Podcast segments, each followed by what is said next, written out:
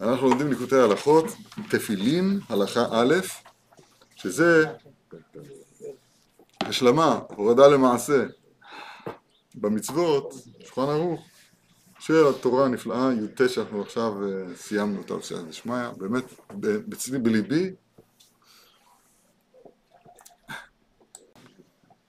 הנפלא מהניסיון המועט שיש לנו בליקוטי הלכות, הנפלא הוא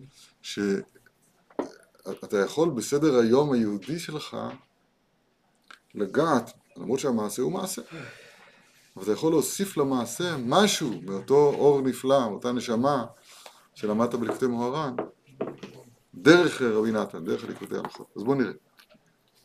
בהלכה בעצמה כתוב, כתוב פה בתמצית, הקלף של התפילין צריך להיות מאור בהמה, חיה ועוף הטהורים, כן, אחד מהם, בהמה חיה או עוף טהורים. וכתוב למען תהיה תורת השם בפיך, דרשו חז"ל, מן המותר בפיך. אפשר לעשות תפילין מאור של תרנגולת? על פי התורה, הימן דהזה למינצב איתתא.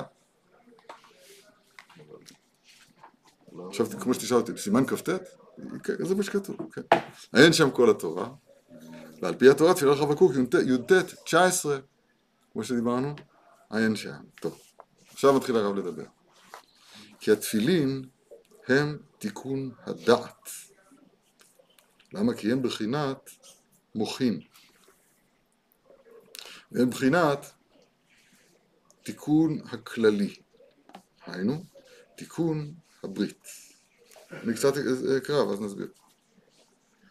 כי תיקון הדעת הוא תיקון הברית, ועל כן עיקר התפילין הם זכירת יציאת מצרים. כי יציאת מצרים מבחינת תיקון הברית, תיקון הדעת, כי מצרים היה מבחינת פגם הברית, פגם הדעת כמבואר כמה פעמים, יו. ועל כן נאמר כשהיה בגלות מצרים, ואעבור אלייך, מתבססת בדמייך, ואת עירום ועריה. כי היו ערומים בלי בגדים, מחמת שלא היה אז תיקון הכללי, שהוא תיקון הבגדים. וזה שכתוב שם בסמוך, ואעבור עלייך ואיך מתבוססת בדמייך. כי זה תלוי בזה. כי מחמת זה הייתה עירום ועריה, מחמת מה? מחמת שהיו מתבוססת בדמייך, שהוא בחינת דם נידות, זאת רק כ"ט, מבחינת אדום ללבושיך, שהוא קלקול הבגדים. ועל כן, כשרצה הקדוש ברוך הוא לתקנם ולגאולם, נאמר, ואומר לך בדמייך חיי, ואומר לך בדמייך חיי, בית דמייך חיי, היינו בחינת דם נעקר, לשון החירות, ונעשה חלב, שהיא בחינת חיים.